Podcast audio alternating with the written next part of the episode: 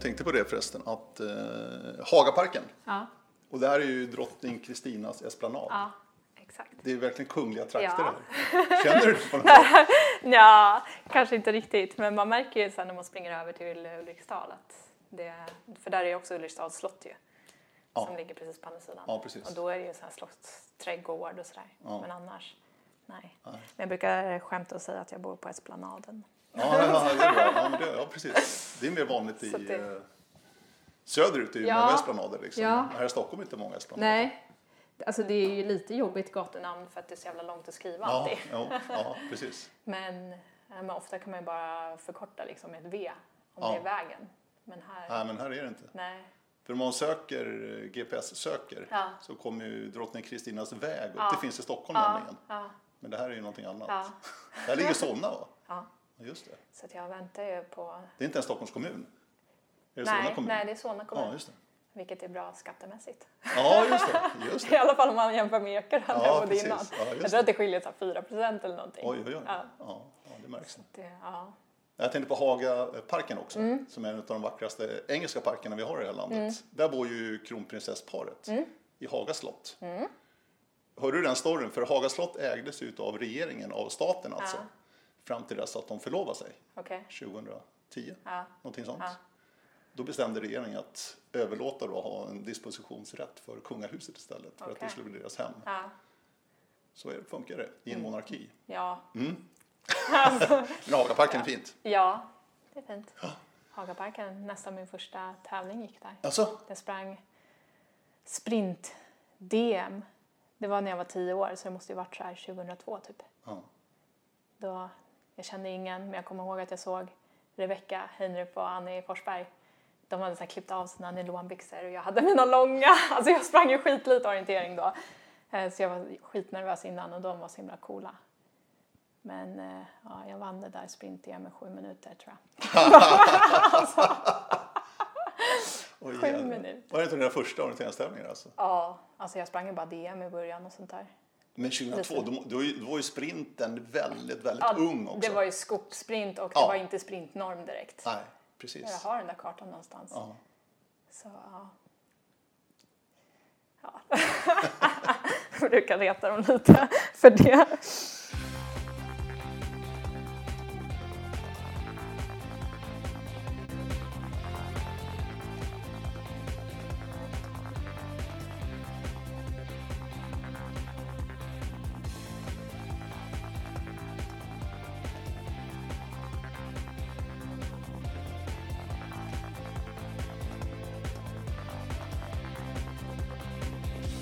Helena Karlsson, varmt välkommen!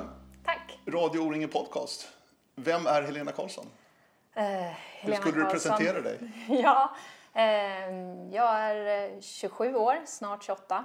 Eh, jag bor i Stockholm, springer för IFK Lidingö SOK. Eh, jag är utbildad sjukgymnast, eller fysioterapeut som det heter numera. Eh, men jobbar inte kliniskt utan jobbar med försäkring. Ja, elitorienterare skulle jag väl säga fortfarande. Jag tränar en hel del. Ehm, ja, det är nog jag. En karriär som har lite upp och ner. Eh, Du kommer tillbaka till för eh, det här ämnet är ju väldigt, väldigt eh, intressant. Vi ska prata om känsliga ämnen som du själv rubricerade hela det här paketet. För jag, jag noterade när du skickade ut på Twitter nämligen. Eh, öppnar upp det här. Eh, och det ska vi prata mycket om i det här. Men jag tänkte börja ändå med dig Helena som orienterare. Och din, du börjar alltså i Hagaparken kan man säga. Alltså. Ja, Ja, det är spännande tycker jag. ja, precis. Ja, men eh, ja, eller egentligen, jag kommer ju inte från någon orienteringsfamilj. Nej. Utan En idrottsfamiljen då eller? Ja, en idrottsfamilj, absolut. Pappa har hållit på med massa klassiker, mamma var volleybollspelare. Eh, men eh, jag själv ja, hade väl inte en tanke på orientering egentligen. Eh, det var att jag tränade terränglöpning uppe i Mälarö Socs klubbstuga ute på Ekerö. Eh, och i samma klubbstuga så höll Mälarö Soc orientering till.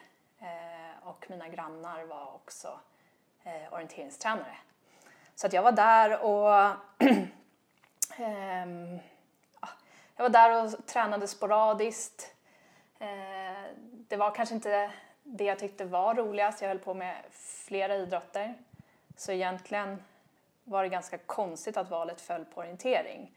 Ehm, för att jag spelade handboll, var med på stadslagsuttagning i Stockholm i handboll. Jag spelade innebandy med tre år äldre tjejer i laget. Ehm, jag var duktig på fotboll. Mm. Jag har spelat basket.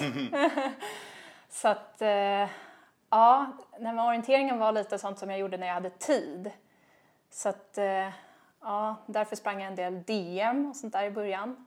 Varav ett i Hagaparken. Ja, just det. Ja. eh, men ja, det var väl egentligen först när jag var 12 år som orienteringen kom in lite mer i mitt liv.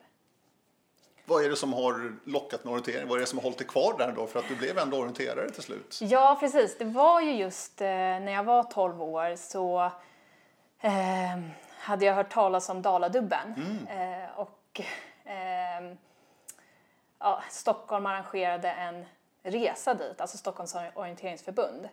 Så att eh, de hade beställt en buss, en buss för oss ungdomar som mm. vi kunde åka upp med. Jag kände ju egentligen ingen annan orienterare utöver de som sprang i Mälarö, men där var det ingen riktigt som hade den, ja, vad ska man säga, det drivet som jag hade. Eh, så det var ingen där som ville åka eh, upp till Dalarna mer än en killkompis, men han skulle springa med en annan. Mm. så det var min pappa som kände en annans pappa som då var lite mer involverad i orientering och eh, visste att det var en tjej i OK Ravinen som ja. inte hade någon att springa med. Okay. Så att, eh, då blev jag ihopparad med Gabriella. Eh, jag tror att vi träffades en gång innan vi skulle springa eh, och sen så åkte vi upp till Dalarna tillsammans med den här Stockholmsbussen. Och där lärde jag känna eh, alla andra eh, men, ungdomar från Stockholm. Eh, och efter det vill jag egentligen åka på alla orienteringstävlingar för att vi blev så bra vänner. Och det är mina bästa vänner fortsatt idag. Det är den här sociala plattformen? Ja, precis. Ja. Jag, jag, tror att jag har... Den är otroligt spännande tycker jag. Ja, jag gillar nog kombinationen av att det ändå är en individuell idrott som man ibland springer i lag men just att man har en så god gemenskap mm. vid sidan av. Mm. Um, ja.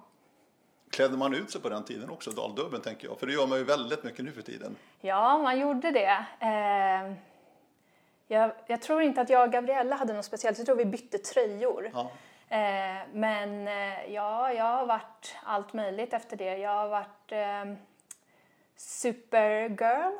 Mm. Eh, jag, Ja, jag har varit eh, kenyan faktiskt eh, en gång. Ja, jag är inte så mycket för så ansiktsfärg och sånt där men eh, jag blev väl kanske övertalad en gång.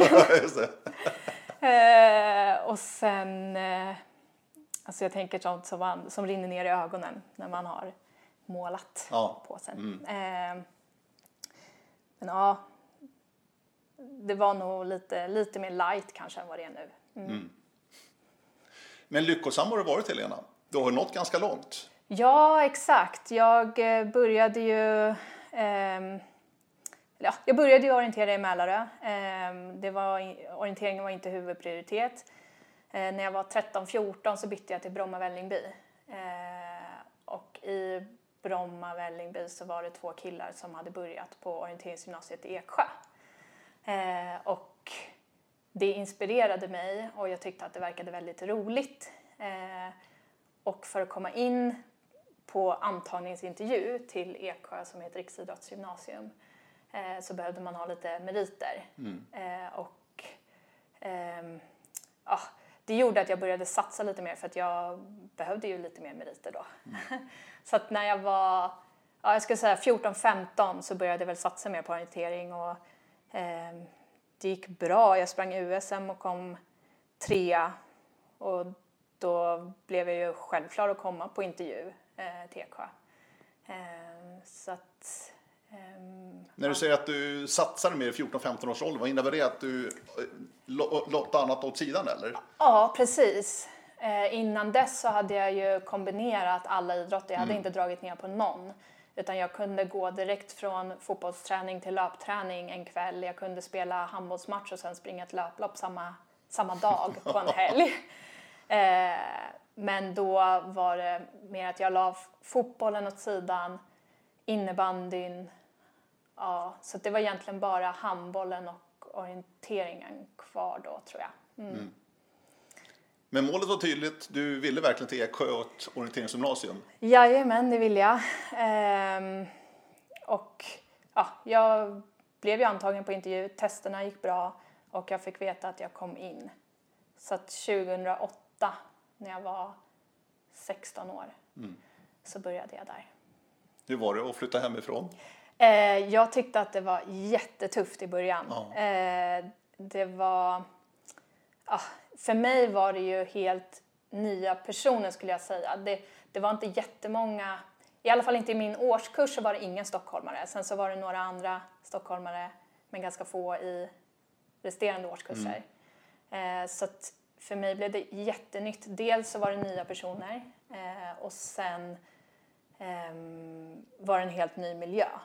Ehm, så att, plus att man är väldigt ung när man är 16 år och flyttar hemifrån. Eh, och jag kände väl lite stressen av att jag hade lämnat hemmet eh, och på något sätt kanske aldrig skulle komma tillbaka dit. Mm. Så att för mig var det väldigt tufft första, ja, från det att man började efter sommarlovet då, eh, fram till tror höstlovet. Då klarade jag knappt av att prata med mamma på telefon för då började jag gråta varenda gång. Men eh, sen så blev det bättre och bättre och efter ja, första terminen skulle jag säga att då uppskattade jag att, att vara där. så att, eh, ja, men det var en stor omställning. Mm. Vad är det jobbigaste? Att du känner dig ensam eller att du saknar mamma och pappa? Eller vad, vad, är, det, vad är det värsta? Liksom? Ja, alltså jag är nog en trygghetsperson ja. så att det är nog en kombination av allt och eh, eh, kanske men både att inte riktigt veta vad jag hittar allt i stan. Ja, precis. Men också precis att sakna mamma och pappa. Jag har flyttat från alla vänner i Stockholm. Eh, och ja. Sen är man bara 16 år. Exakt. Man är ganska ung fortfarande. Ja, och precis. Jag tror att det kan vara ganska jobbigt att bara börja gymnasiet i sin hemkommun eller man ska säga det är också en väldigt stor omställning. Du ska ha valt ett program och ja, det ställer ju lite högre krav än, än grundskolan. Mm. Så att, ja, det, det är ett ganska stort steg där. Men du, eh, Eksjö säger du, stockholmare går ju företrädesvis i Sandviken va? Ja. Egentligen, hur? ja, det är lite roligt faktiskt för att jag eh, valde Eksjö för att eh, jag gillade inte att åka längdskidor på den tiden. Eh, ah, bra. Så att jag eh, tänkte, ja, söderut i landet, ah, perfekt. Ja, ja, det enda problemet var ju dock att Eksjö ligger på det småländska höglandet, mm, vilket betyder att det kom en hel del snö där. jag skulle säga nästan mer snö än i Stockholm, men det var ju också när jag var där väldigt eh, snörika vintrar. Mm. Vilket i och för sig var tur för att jag var skadad stor del av den tiden som jag gick i Eksjö. Eh, men också så var en av anledningarna att man bor på ett elevhem eh, och, och då också får mat. Eh, vilket man inte får i Sandviken där man bor i lägenheter och måste till viss del laga sin egen mat. På min tid fick vi mat i Sandviken. Okej, okay. ja, ja, inte när jag skulle vi börja där. Vi bodde inte på elevhemmet, men vi åt där. okay. Både frukost och middag ja. och lunch på skolan. Ja. Vi behövde aldrig laga mat. Nej, det låter bra. Det var lyxigt. Ja. det var svårt att flytta därifrån. Ja precis. Men orienteringsmässigt så tog du kliv. Du vann ju SM-guld 2009. Exakt. Det minns ju jag. Då var jag på plats där i Bohuslän. Ja. Eh, i D18 va? Ja, precis. För en viss Tove Alexandersson? Jajamän, Aha. det var, ja, det var ju där 2008-2009, det skulle jag säga fortfarande. Det, är väl, det beror på vad man har för perspektiv men eh, jag skulle säga att det är mina bästa orienteringsår. Mm. Det gick som på räls för mig då. 2008 så tog jag ju silver eh, som 16-åring i, i D18-klassen i både natt orientering, SM, nattorientering och SM-sprint. Jag vann O-ringen, jag vann USM-stafett. Det gick eh, väldigt bra. Och det fortsatte ju 2009.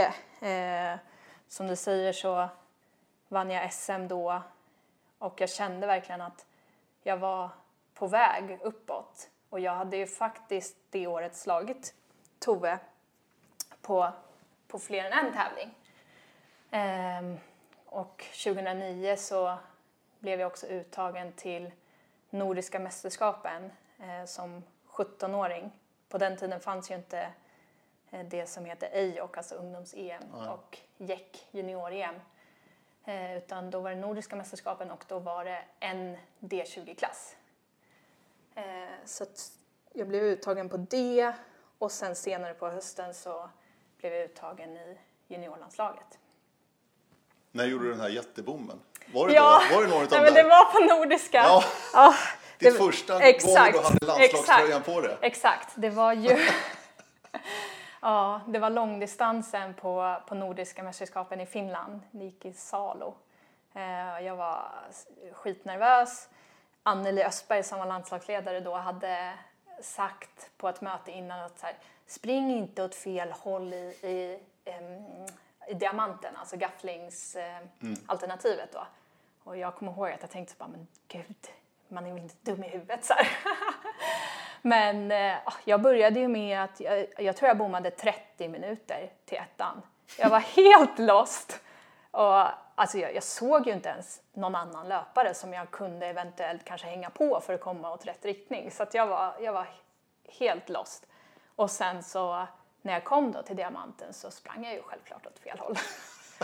jag, ja, jag vet att jag var kanske, om inte sist så var jag väl så tredje sist.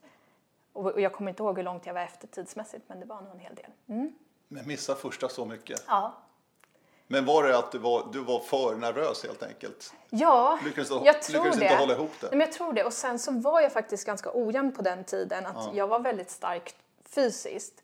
Så att om jag fick till orienteringen, då kunde jag vinna. Fick jag inte till orienteringen, då kunde jag komma sist. Mm. Så att det var liksom antingen eller. Så att det var, ja. Men jag, debut! Precis, jag revanscherade mig i alla fall senare i det mästerskapet. Tror jag, jag tog fjärdeplatsen i sprinten och ja, stafetten gick bra. Jag fick ju inte springa i första lag men jag fick springa första sträckan vet jag.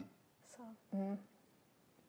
Nu är du 27 år. Ja, precis. Vilken är din bästa prestation så här långt? Jag säger inte att den är över, för verkligen inte. Du tränar på fortfarande Helena, men så här långt. vi- vi- Vilken är din peak skulle du säga? Ja, alltså som sagt så de, åren 2008-2009 där gjorde jag väldigt många bra prestationer men det var ju juniorår och det är svårt att, att sätta det i relation till, till en seniorprestation. Men jag skulle kanske säga att eh, min, min topprestation, som jag, den som jag är mest nöjd med, det är nog när jag tog SM-silver på medeldistans i Uppsala. Ehm, jag, ja, jag tror nästan inte jag gjorde något misstag på den eh, medeldistansbanan.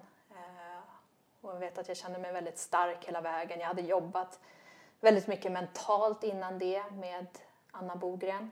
Eh, så att, ja, det är nog den prestationen kanske som jag är allra mest nöjd med hittills. Mm. Det var ett fint område. Ja, verkligen. Riktigt läckert område. Där 2012 va? Eh, nej, 13. 2014. 14 är det till Mm. Med. 14 är det till och med. Ja, åren går. Ja, de gör det. Verkligen. Men som jag sa inledningsvis, Helena, det har varit mycket ups and downs. Du har haft en hel del problem med skador. Och har också funderat väldigt mycket över hur din kropp fungerar under alla de här åren. Eh, bakgrunden till det, hur börjar det här egentligen? Ja, precis. Jag eh, eh, började ju som sagt 2008 i Eksjö. Ja. Eh, jag var 16 år. Mitt första år, eh, alltså som sträcker sig över 2008-2009, eh, gick på räls. Eh, jag kunde vara med på alla planerade träningar. Eh, ja, jag hade väldigt lätt med träningen. Jag presterade väldigt bra. Ehm, sen började jag ah, hösten i, i tvåan eh, på gymnasiet gick ju som sagt också bra. Jag blev uttagen till landslaget men precis där eh, ja, i oktober när landslagstrupperna togs ut så började jag få ont i knäna. Eh, och eh, det var en knäskada som jag hade inte haft någon, någon sån riktigt rejäl skada tidigare. Jag hade haft lite tillväxtskador som man får ja, tidigare egentligen när man är lite yngre. Mm. Så hade jag haft ja, lite ont i knä, jag hade haft ont i hälar och sådär. Men eh, det gick ju ändå att idrotta med. Den här skadan var något helt annat. Det var, jag kunde inte springa en meter, jag hade ont konstant. Eh, jag var väldigt tjurig och grinig. Jag vet att jag kunde knappt sitta med, med knät böjt. Eh, och jag vet att det gick ut över både vänner och familj. Eh, men ja, jag mådde så dåligt över att inte kunna idrotta och att inte... När man går på ett orienteringsgymnasium blir det så tydligt också för då ser du eh, dina vänner som hoppar in i bussen och åker iväg på träning medan du själv antingen måste vila helt eller att du måste eh, gå till gymmet och alternativträna själv. Mm. Det är inte därför man börjar på ett idrottsgymnasium. Nej. Vad gjorde du det här läget då när knäna smärtade så mm. enormt? Du mm. söker svar på det här, var, ja. vad, vad det beror på eller? Ja, precis. Jag, eh, först var jag i en ganska stor ovisshet skulle jag säga. Eh, ja, det var väl som alla måste göra att jag började med alternativ träning men lite på eget bevåg. Jag hade ju en tränare nere i Eksjö som också ja, såklart tyckte det var tråkigt men vi försökte ju utifrån vår erfarenhet och kunskap göra det bästa utav det. Så att jag började träna alternativt. Sen tror jag det gick tre månader fram till jul eh, och mina knän var fortfarande inte bra. Det var inte en tendens till att bli bättre. Jag hade fortfarande jätteont. Jag vet att jag hade gått till en idrottsläkare där nere i Eksjö och han började prata om operation och sådär. Eh, men då så sa faktiskt min tränare där i Eksjö att vi behöver ta kontakt med en professionell sjukgymnast så att vi åkte upp till Bosan och då fick jag träffa en sjukgymnast som heter Anna From som är jätteduktig, framförallt på knän. Eh, och fick då riktade övningar eh, och kunde eh, träna upp knäna för att sen eh, ja, kunna springa efter fem månader. Mm. Men så här i efterhand så har jag ju förstått att eh, det var, eller skadan har egentligen uppkommit till följd av att dels att jag var för svag och att det var en överbelastning men också att jag var alldeles för smal. Eh, jag har egentligen, jag hade haft ett restriktivt ätbeteende ända sedan jag gick trean på lågstadiet. Trean på eh, lågstadiet, så mm, länge alltså? Mm. Vi gjorde, man skulle gå till skolsköterskan och göra någon form av hälsokontroll. Man skulle väga sig, mäta, sig, mäta längden. Eh, och eh, så fick man med sig ett papper liksom hem. Eh, så att alla gick ju runt där med sitt papper och sin vikt. Och jag vet att det blev liksom en tävling att försöka vara den som vägde minst. Eh, så redan därifrån skulle jag egentligen säga att jag alltid har tänkt på, på min vikt. Sen var det ju det i kombination med att eh, ja, idrotten och speciellt då eh, uthållighetsidrott eh, har ett visst ideal på hur du ska se ut. Eh, så att ehm, ja, jag fick ju inte i mig tillräckligt med mat och jag var, eh, ja, skulle jag säga, underviktig. Mm. Eh, var det ingen som sa det här till dig att Helena, du, äter du tillräckligt? Nej, eh, alltså jag tror att jag dolde det ganska bra. Alltså gentemot mina föräldrar, jag åt när jag väl var hemma. Men jag åt extremt dåligt i skolan. Eh, och jag var noga med att det bara var någon dag i veckan som jag kanske fick äta onyttigt. Jag hade ju ett stört ätbeteende. även om jag inte skulle säga att jag hade anorexi eh, så, så var det eh, inte ett sunt förhållningssätt till, till kost. Och nej, jag skulle inte säga att det var någon under den här tiden som, som sa någonting. Det var snarare precis som för de som kanske har anorexi, att det var i så fall folk som sa kanske “Gud vad smal du är” och då tog jag det som en eh, komplimang. Det var liksom en bekräftelse på att ja men vad bra, då är det någon annan som ser att jag är smal. Mm. Eh, men eh, nej, det är faktiskt inte någon under, under den tiden vad jag kan komma ihåg. Jag tror inte heller mina föräldrar, de, alltså som, som idrottande barn eller väldigt aktivt barn så är det ju inte konstigt att man är smal. Eh, sen så eh, ja, är det ju lätt liksom att vara efterklok och tänka att så här, ja, jag kanske var lite för smal. Men det är ju jättesvårt också att avgöra just under den tiden som man kanske växer också. Mm. Vad som är eh, sunt och vad som inte är sunt. Mm. Jag tänker så här Helena, vad, vad, försök att ta dig tillbaka den här tiden. Hur ofta väger du dig? Hur, hur har du, vad har du för liksom syn på mat överhuvudtaget? Mm. Ser du fram emot nästa måltid mm. eller hur fungerar du i det här mm. läget? Ja, alltså jag skulle säga att jag egentligen alltid har tyckt om mat. Ja. Jag har varit, eller jag är fortfarande och jag var då väldigt eh, okräsen om man ska säga. Eh, så att jag åt ju allt.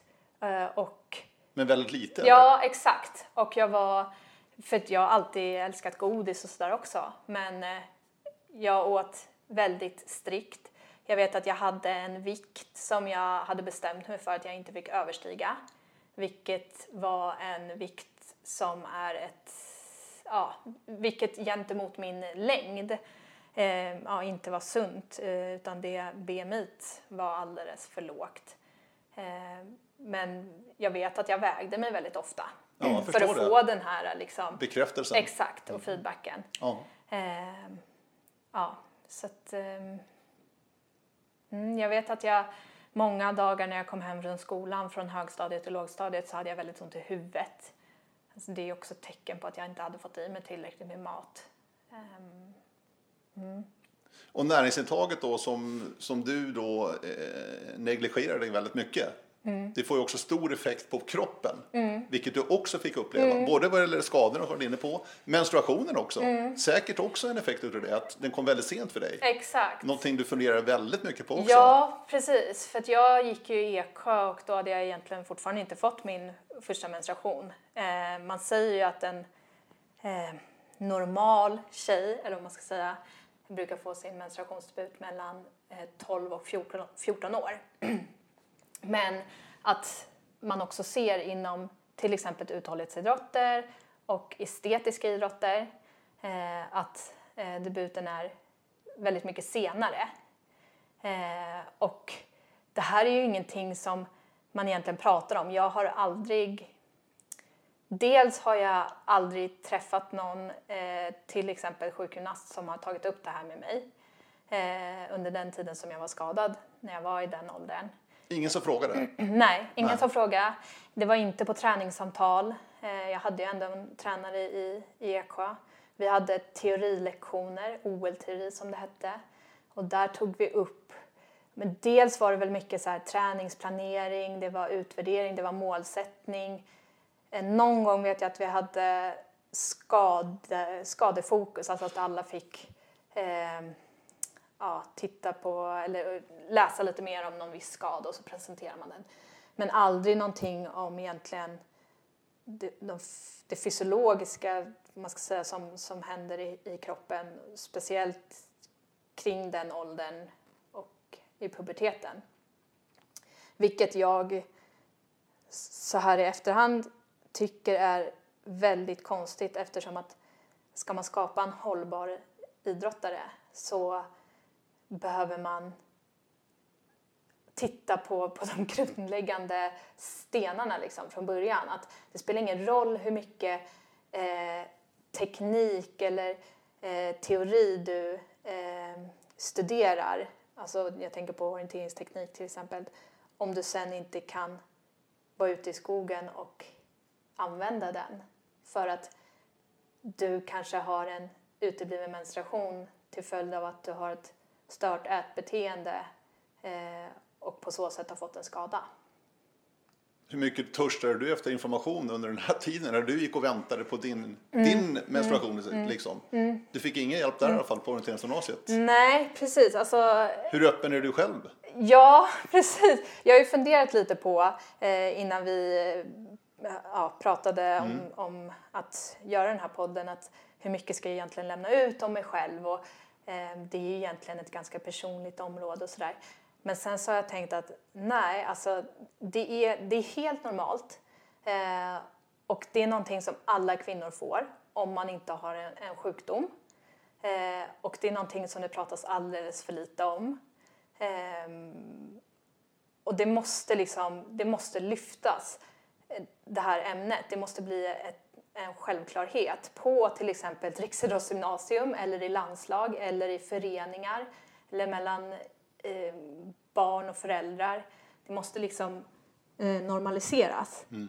Eh, så att jag, så, ja, jag, jag fick ju inte egentligen någon information och jag vet ehm, att jag, jag hade själv väldigt svårt att prata om det.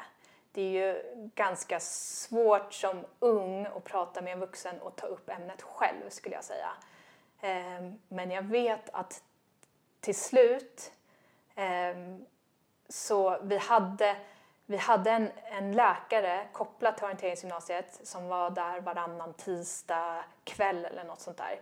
Och då kunde man skriva upp sig på en lista eh, om man ville gå dit. Så bara det är ju egentligen också lite konstigt att man då ska visualisera att man ska gå till, till läkaren för alla andra på en lista som hänger uppe. Men eh, då vet jag att jag skrev upp mig där och samlade mod och då hade jag ändå gått och tänkt på det här i flera år.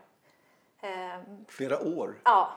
Och sen så träffade jag läkaren, kom dit och han sa att det, du är helt normal för att du är en elitidrottande ung kvinna eh, och då är det inte konstigt att man har försenad eller utebliven menstruation.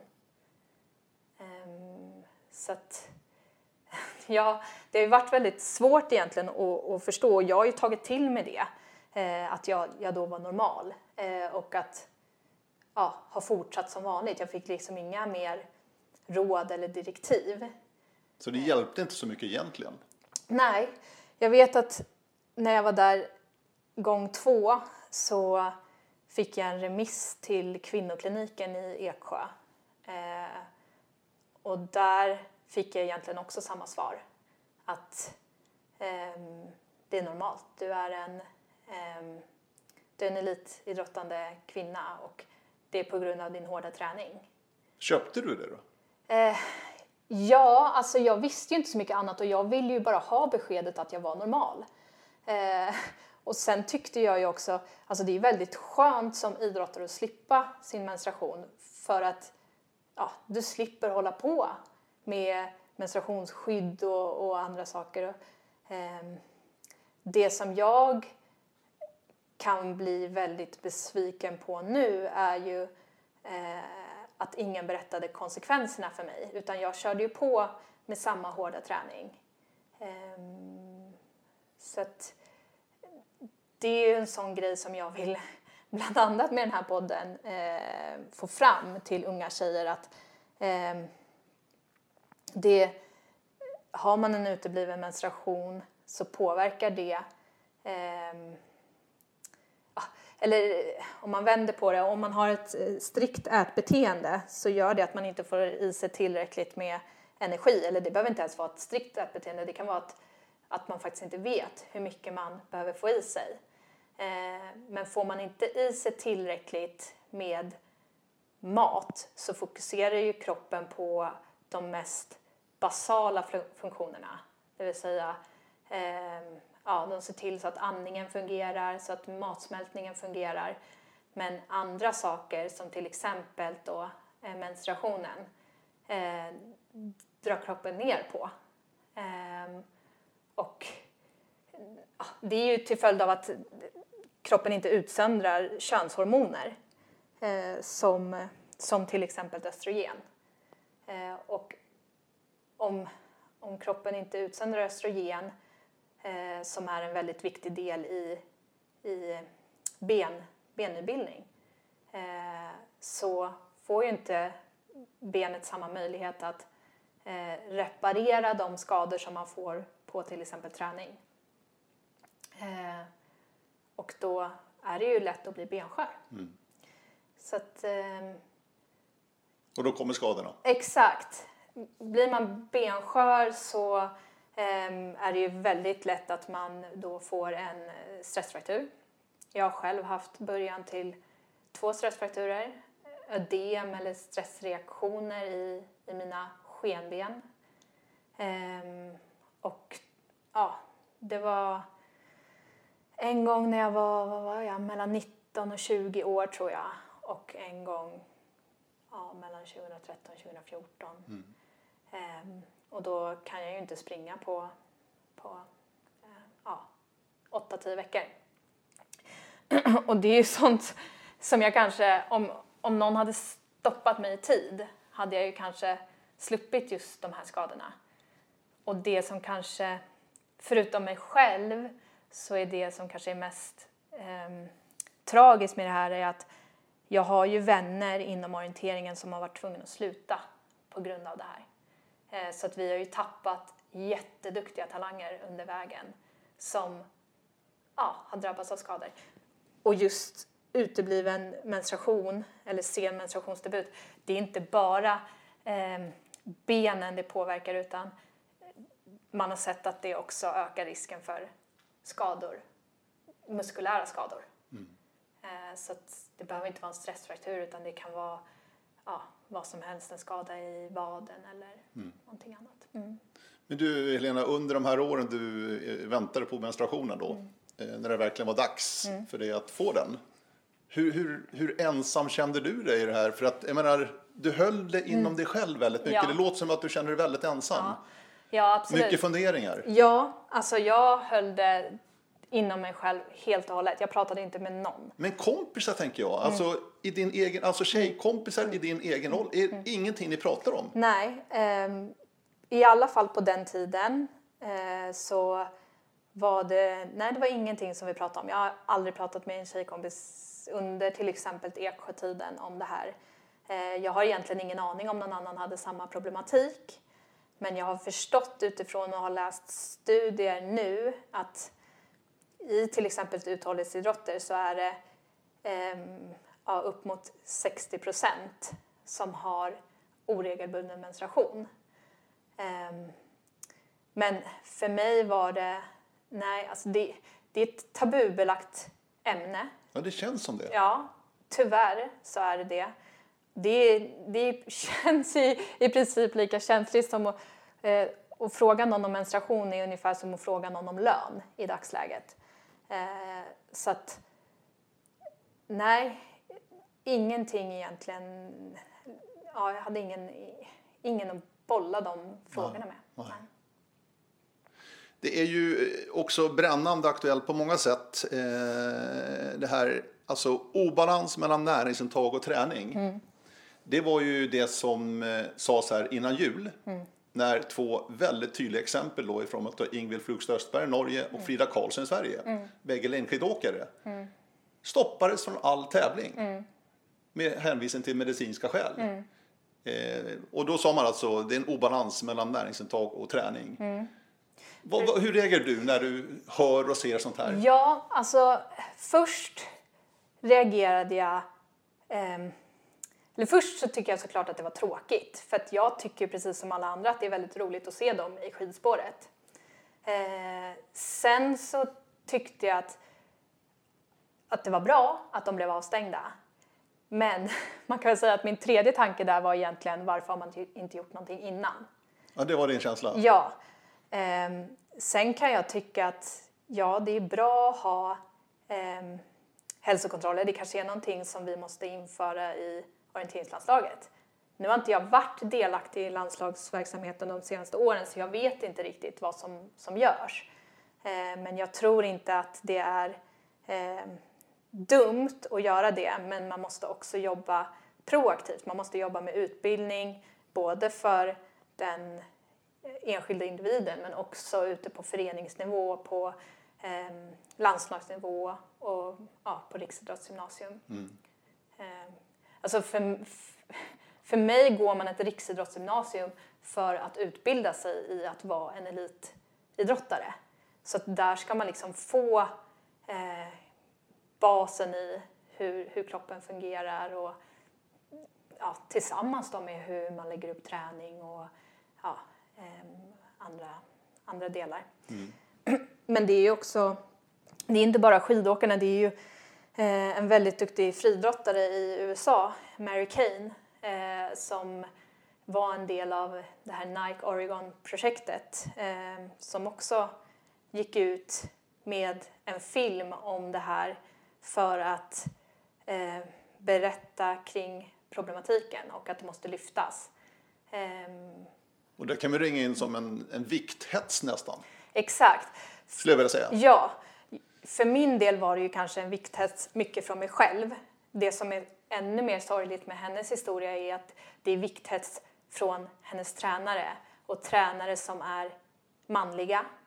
Eh, hon beskriver att hon inte i det ändå professionella teamet så har de inte tillgång till en dietist eller nutritionist, de har inte tillgång till en psykolog. Utan hon måste ju bolla alla frågor med Alberto Salazar som eh, ja, kanske inte är så inspelad på, på de områdena. Men han blev ju avstängd och är mm. numera bannlyst från mm. friidrottsvärlden. Mm. Eh, precis. Efter de här historierna som Mary Kane då bland annat publicerade. Ja, precis. Jag... Sen finns det ju en dopningshistorik ja, också, exakt, ska vi säga. Exakt. Så jag hoppas att man tar Mary Kanes historia i beaktande. För hon själv säger bland annat i den videon att hon är rädd för att Nike kommer välja att fortsätta någon form av sånt här projekt men med då Albertos kollegor så att man kör på i samma spår. Eh, hon försöker ju i, i den videon främja att det ska finnas till exempel kvinnlig kompetens, det ska finnas eh, ett alltså multidimensionellt team, alltså det ska, det ska finnas en fystränare men det ska också finnas en sjukgymnast, en läkare, kanske en gynekolog, eh, nutritionist eller dietist eh, i eh, ja, ett sånt team. Då. Mm.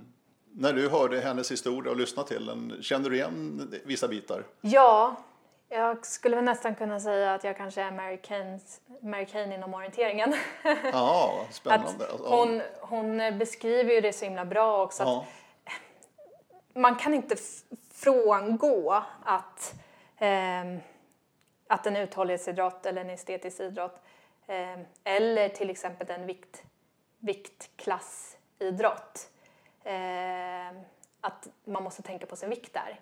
Inom till exempel orientering eller löpning så, så främjas du av att ha en, en mindre massa att bära på när du ja, springer. Så det är fysikens lagar. Exakt.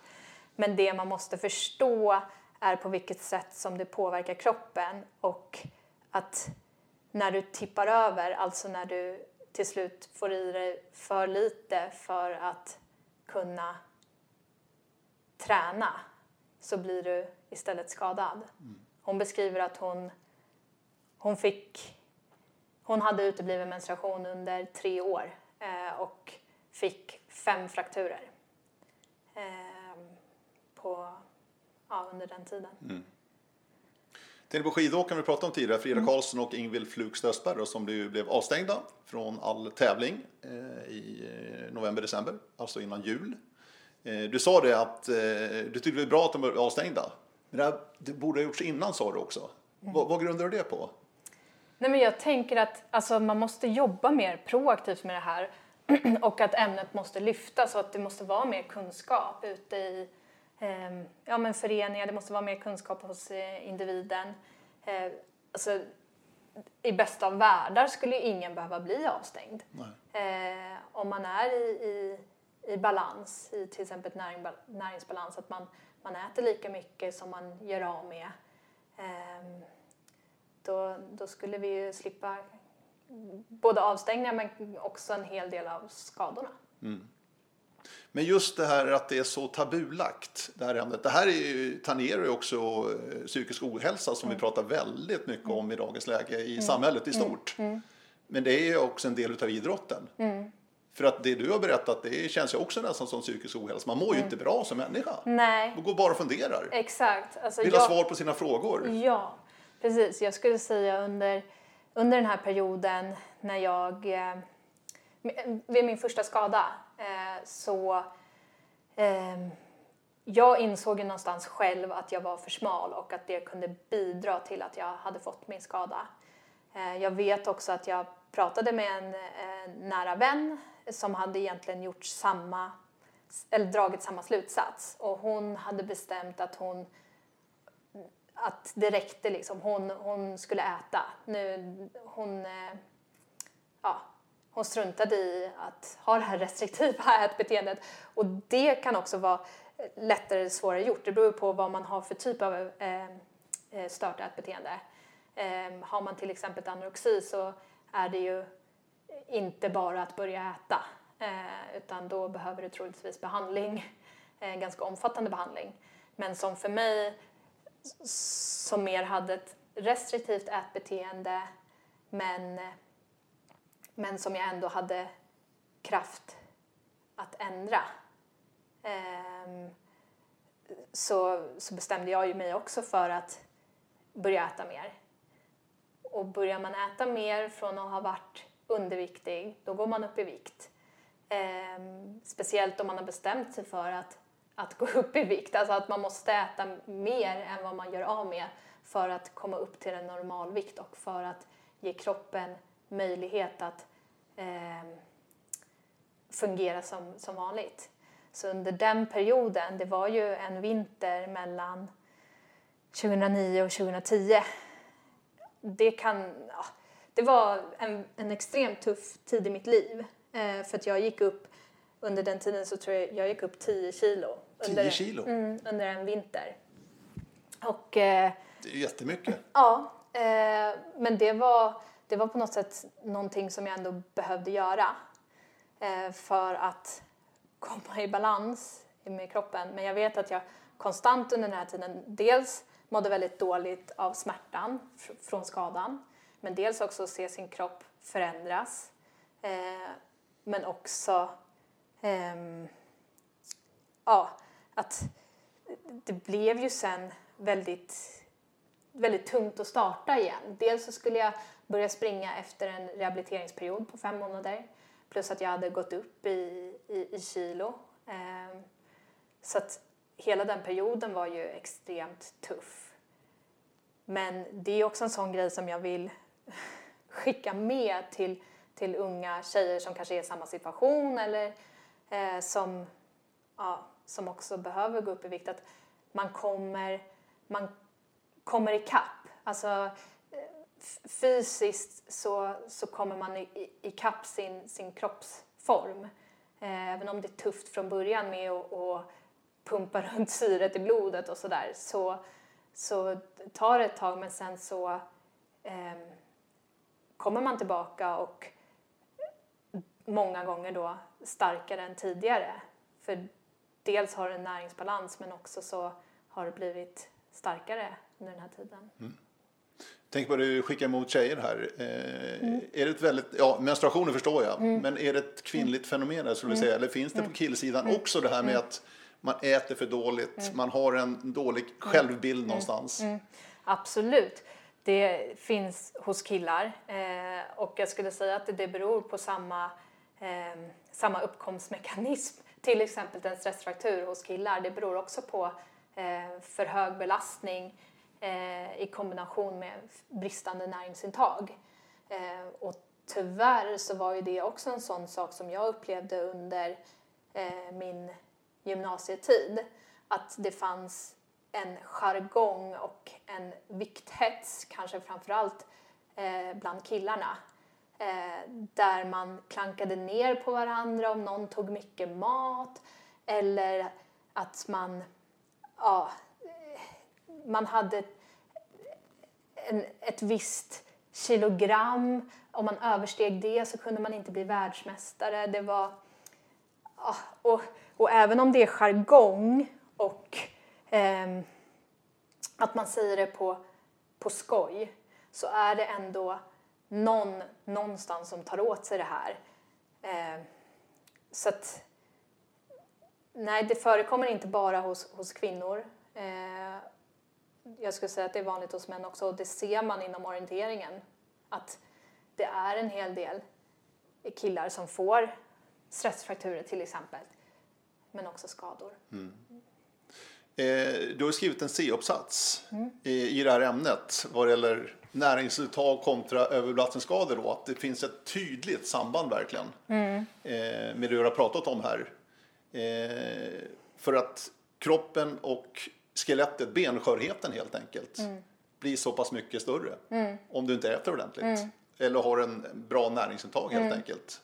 Vad, vad, för att ni har ju gått ner på djupet här, du och en kollega. Ja, precis. Eh, jag eh, är ju som sagt utbildad eh, fysioterapeut och då skriver man en C-uppsats på sin sista termin.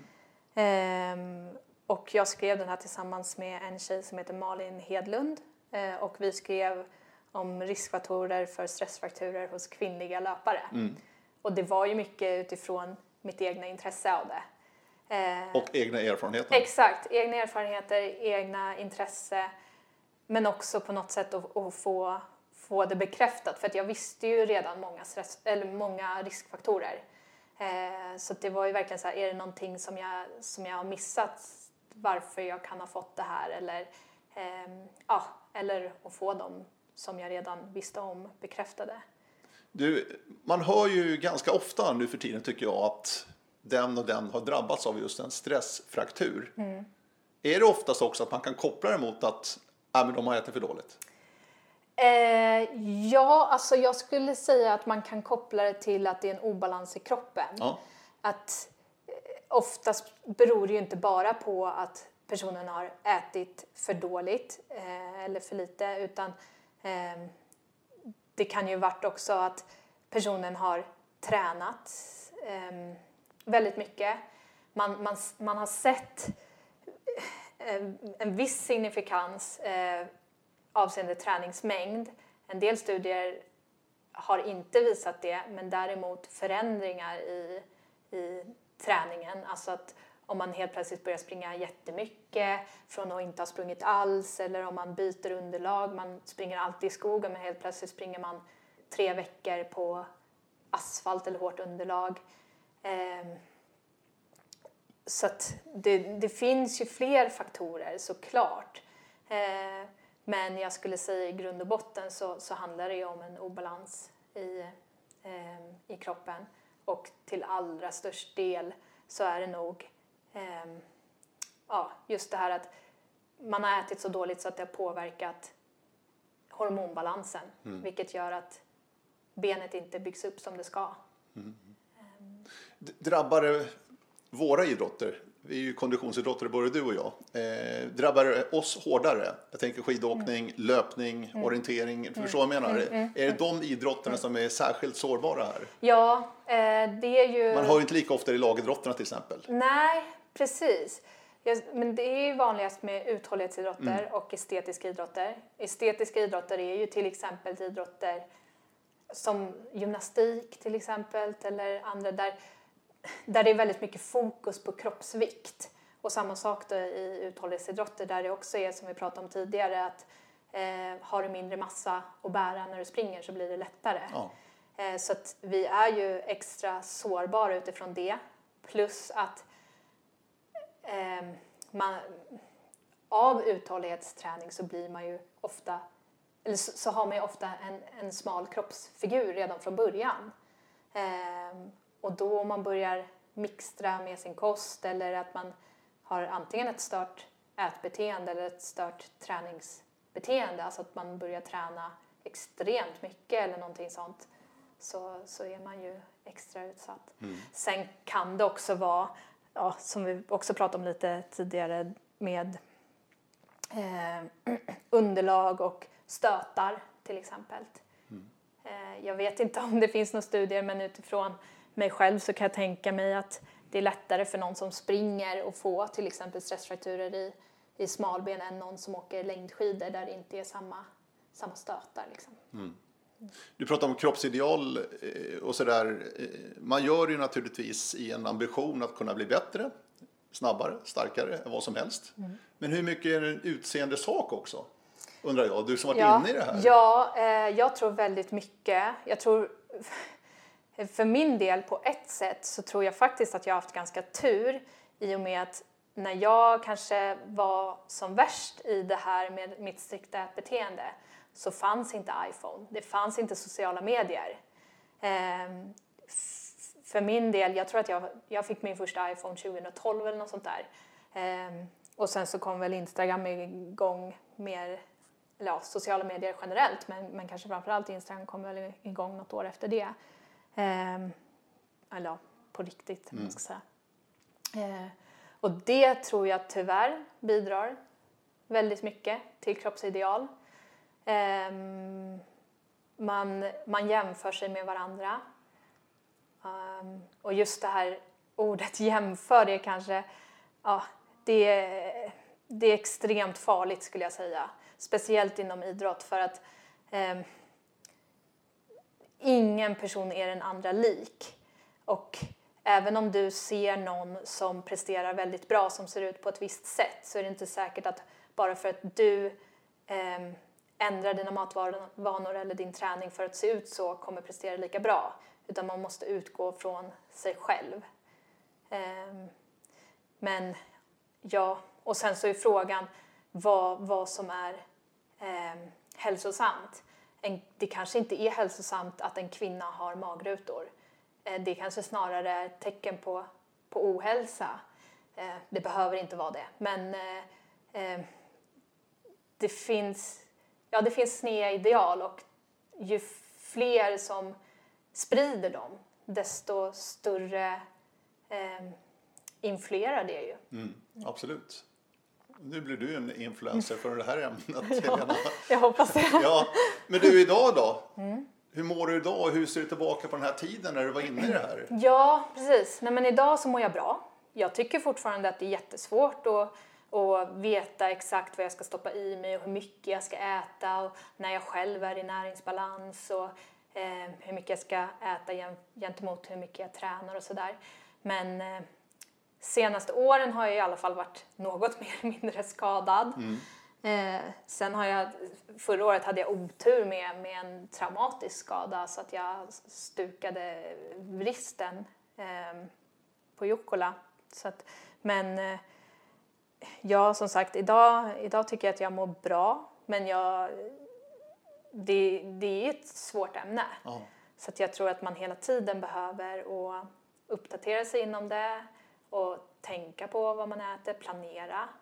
Ehm, men ser jag tillbaka på min tid så är det såklart tråkigt. Jag hade ju egentligen, ja, jag skulle säga egentligen mellan 2015 och 2000 ja, eller egentligen fram tills, tills ja, något år sedan så hade jag väldigt mycket skador. Jag, hade, eh, jag var sjuk väldigt mycket.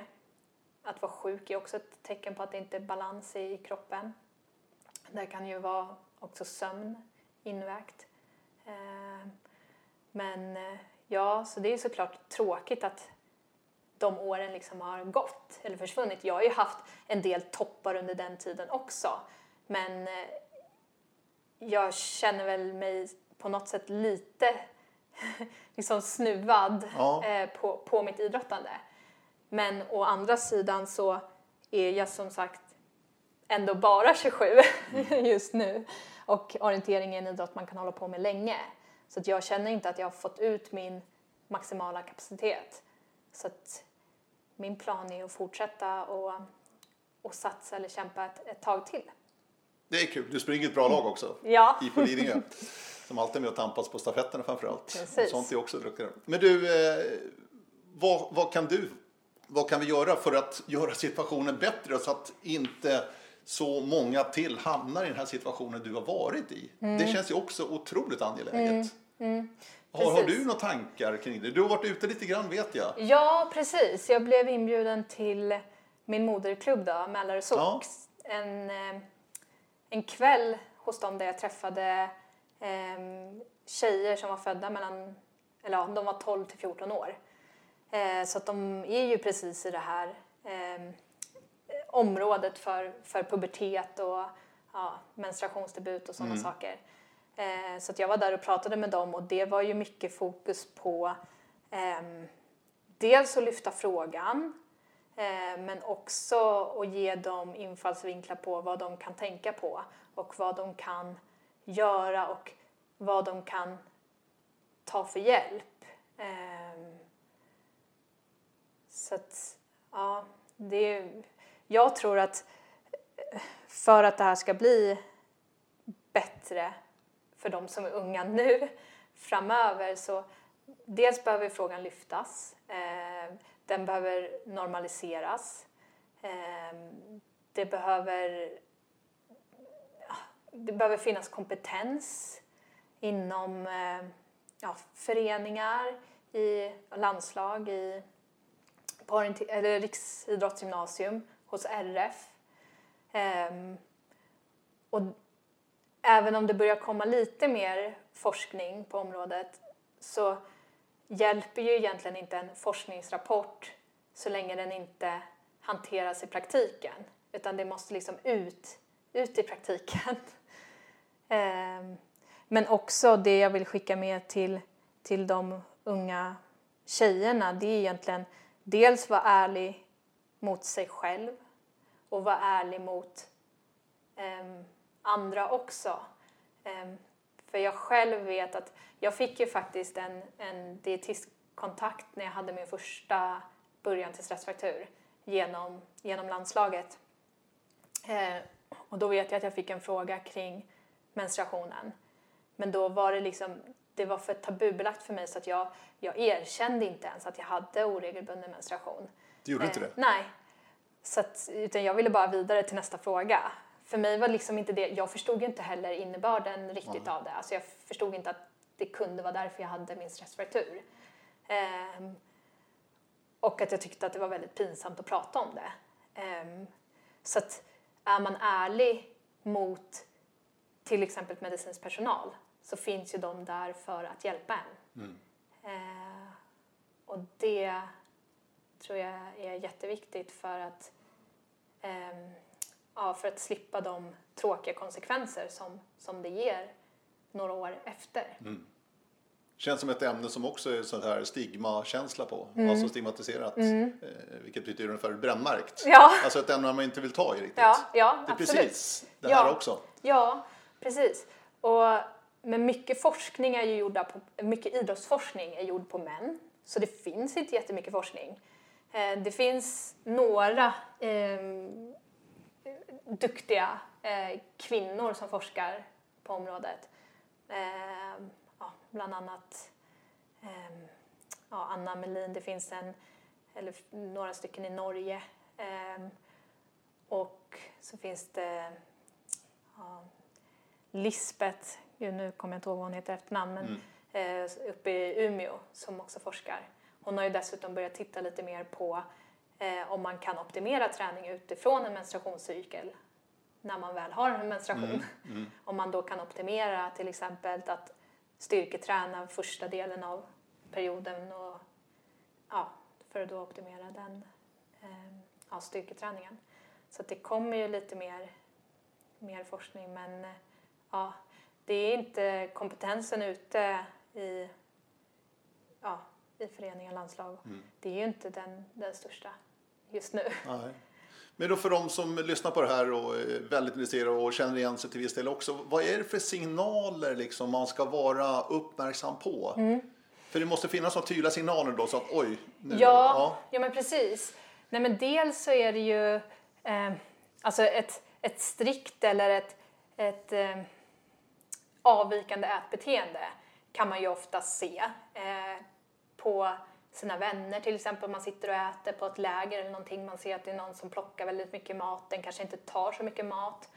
Eh, eller har väldigt strikt ja, strikta livsmedel som de äter. Man ska säga de kanske inte äter eh, onyttigheter för att säga så. Men, eh, så det kan man vara uppmärksam på eh, för det kan ju i sin tur leda till mm. Ja, menstruationsstörningar eller ehm, ja, sämre benhälsa. Eh, dock kan det ju vara ganska svårt att göra något själv. Jag förstår då. det, absolut. Så att det blir ju kanske, om man inte kan ta diskussionen själv, vilket kan vara väldigt känsligt, det är ju att lyfta det till ledare eller föräldrar. Eh, men sen så är ju också ett, ett väldigt tydligt tecken är ju på eh, om man får sen menstruation eller eh, utebliven menstruation. Eh, sen ska man veta att sen menstruation, dels kan det ju vara genetiskt eh, men det kan också bero på andra saker än bara den här energibristen. Det kan bero på eh, att man har någon sjukdom. Eh, så att det är alltid jättebra att kolla upp det. Mm. Eh, man ska ju alltid utreda varje, varje individ. Liksom. Eh, men ja, sen så eh, om det är någon som får mycket skador, eller det behöver inte vara mycket skador, det kan vara en skada som är tillräcklig, men att man eh, kanske då ehm, ja, som, som medicinsk personal är där och, och frågar kring, kring till exempel menstruation. Och, ehm, mm. Mm. Sen är det ju så, vi lever i den här idrotten, de här fysiska individuella uthållighetsidrotterna verkligen och alla strävar ju dit och försöka nå bäst. Och, alltså vägarna är ju, det är ju svårt det här samtidigt mm. som vi var inne på. De fysiska lagarna, mm. ju lättare så är det lättare att bära naturligtvis och du orkar mera mm. oftast mm. om du har tränat hårt också. Mm. Mm. För hård träning tillsammans med det här, det är ju också en kombination som inte är riktigt bra. Nej, precis. För ni tränar ju väldigt hårt också. Ja. I och med att ni har så högt ställda mål ja. och vill nu nå liksom dit upp. Exakt. Det är ju det som är den stora problematiken ja. skulle jag vilja säga. Ja. Och då på något sätt så gäller det ju kanske att periodisera. Att man under vinterträningen kanske ser till att man eh, verkligen har den här balansen. Men sen om man har bestämt för något, för något specifikt mål, att man då under en tid kan försöka optimera sin kost till exempel eller öka sin träning. Men att man verkligen bestämmer sig då för att det är de här två månaderna eller någonting sånt. För den risken man har sett är ju att de som kanske ja, börjar optimera eller och, eh, ja, börjar fokusera mer på, på mat eller viktnedgång eller sådär, de fastnar ju ofta i det. De kommer aldrig tillbaka till den här energibalansen. Eh, utan det blir ju någon, någon, någon typ av antingen kanske ätstörtbeteende, att man sen blir rädd för att gå upp i vikt. Eh, eller bara att man inte har kompetensen att förstå att man sen måste gå upp i vikt. Mm. Så att ja, det är en balansgång. Men jag tror att om man ska optimera och titta på sådana saker så, så ska man ha som målsättning att eh, den perioden där man optimerar ska vara så pass kort som möjligt för att ge den effekt man vill ha. Mm varit inne på skidåkarna då som blev avstängda här innan jul. Är det de sista exemplen tror du? Kommer vi få se fler exempel i framtiden, framöver? Jag hoppas ju inte att vi kommer få se Nej, fler. Menar, ja. Alltså frågan är ju egentligen, ja. lär vi oss ja. någonting? Ja, jag tror, jag tror snarare kanske att det är de första. Alltså jag vet, jag har ju dålig koll på hur olika förbund eh, arbetar och jag vet att olika förbund har olika förutsättningar. Skidförbundet är ett sådant förbund som ändå har väldigt bra förutsättningar. Så att de har ju ett medicinskt team, kanske på ett annat sätt än vad andra förbund har. De har väl hälsokontroller i alla fall, ja, Typ precis. regelbundet ja. på något sätt för att testa och precis. kolla så att de ligger ja. inom ramarna, inom gränserna. Ja, så att när andra förbund, om de nu börjar införa det här, så tror jag att det kanske kommer finnas fler fall. Och jag vet inte, man kanske också, som sagt, så det bästa vore ju att jobba proaktivt med det så att man aldrig hamnar i, i avstängningar. Men jag tänker att det kanske, det kanske har gått för långt när det är seniorlandslag som tittar på det. Ja. Det kanske är... Ska in tidigare menar du? Ja, det är kanske på riksidrottsgymnasium. Mm. Det, är mm. då, det är då en person kanske ska uppmanas att träna mindre under en, två, tre månader, öka sitt näringsintag för att komma i balans för att det främjar kroppens utveckling och kroppens hållbarhet framöver. Det finns en del att jobba med känns det som. Absolut. Ja, verkligen. Du, stort tack Helena. Ja. Eh, jag tänkte titta framåt i år. Vad ser du fram emot mest i år? Ja, Om du får liksom inte sjuk utan frisk ja och skadefri och allt det där. Ja, precis. Det, mitt år har väl kanske inte börjat klockrent med en antibiotikakur nu i januari. Jaha. Men eh, jag hoppas att jag kan komma ikapp med träningen. Men eh, jag har ett litet mål om att eh, springa EM. Eh, I så att- Estland i slutet på augusti. Exakt, jag är ju halvväst. Ja, Så att, det är halvt hemmaplan. Ja. Nej, vi får se. Det vore väldigt roligt. Eh, Men eh, i övrigt så är det 10 mila nästan på hemmaplan kan man väl säga. Eh, Som jag vet att mina eh, tjej eller lagkompisar i, i klubben också ser väldigt mycket fram emot. Så att jag tror att det kan bli en väldigt bra sparring och stämning inför det. ja, det är, alltså nu är det exakt tio år sedan Mm. Lidingö vann. Ja, då är det vårt I år i år. Ja. Ja, Nej, men jag vet att, eh, jag kommer inte ihåg var vi kom sist det gick i trakterna där. Nej, det var 2013. Ja, precis. Men jag vet att vi var med ganska länge. Absolut. Men att, eh, ja, men ja, så, ja, vi får se. Men det är ju 10 mila, ja, 10 mila EM. Och avslutningsvis, vi måste ju prata om O-ringen också. Ja, Det är ändå Radio O-ringen podcast. Ditt första O-ringen. mitt första O-ringen, ja, det var 2005 i Skillingaryd. Ja. Så det är ändå ganska sent gentemot många andra. Men eh, jag tvingade ju dit mina föräldrar.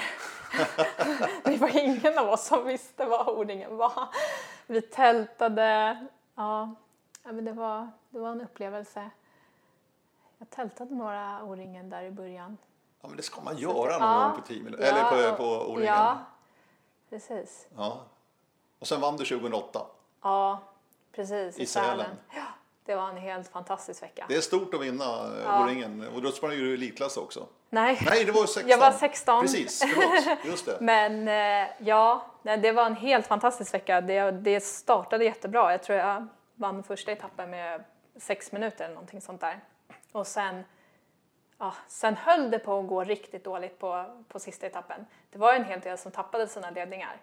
Och jag vet att jag redan till första kontrollen, jag tror jag hade en ledning på något sätt 10 minuter, men redan till första kontrollen så var jag helt vilse. Men sen så såg jag en skärm i en sankmark och jag visste att jag skulle ha en sankmark. Så jag sprang fram till den och så var det min. Och då kände jag så här, det här är min dag. Ja. Så efter det så, så gick det jättebra in i mål. Ja. Så det var ju fantastiskt att springa i mål till din röst och Mm. Simply the best. Mm. Just det. Ja, underbart. Har du någon träning idag? Eh, jag har varit ute och tränat, varit ute och sprungit en sväng och eh, kört lite löpskolning och eh, lite ruscher. Mm. Jag har ett nytt, eller relativt nytt tränarsamarbete. Ja, ins- int- intressant. Ja, det är en, eh, han är faktiskt maratontränare. Ja, du ser. Ja, det är flera som Mm. Ja. ja, hittar löptränare liksom. Ja, det tror jag inte är helt fel. Precis, jag känner att jag har tränat på väldigt lika i väldigt många år. Mm. Eh, det har varit enligt den filosofin kanske som man lärde sig mycket på orienteringsgymnasiet. Och jag känner att jag har kanske stannat lite i den utvecklingen. Så nu har jag valt att, att ändra lite i min träning. Så jag hoppas att det ska ge resultat. Spännande. Mm. Du, jättekul och intressant Helena och stort tack. Tack! Helena Karlsson alltså, dagens gäst i Radio O-ringen Podcast. Hör gärna av er, radio oringen.se. Vi säger tack och hej ifrån eh, Ulriksdal. Just det, i Solna, Stockholm. Hej då!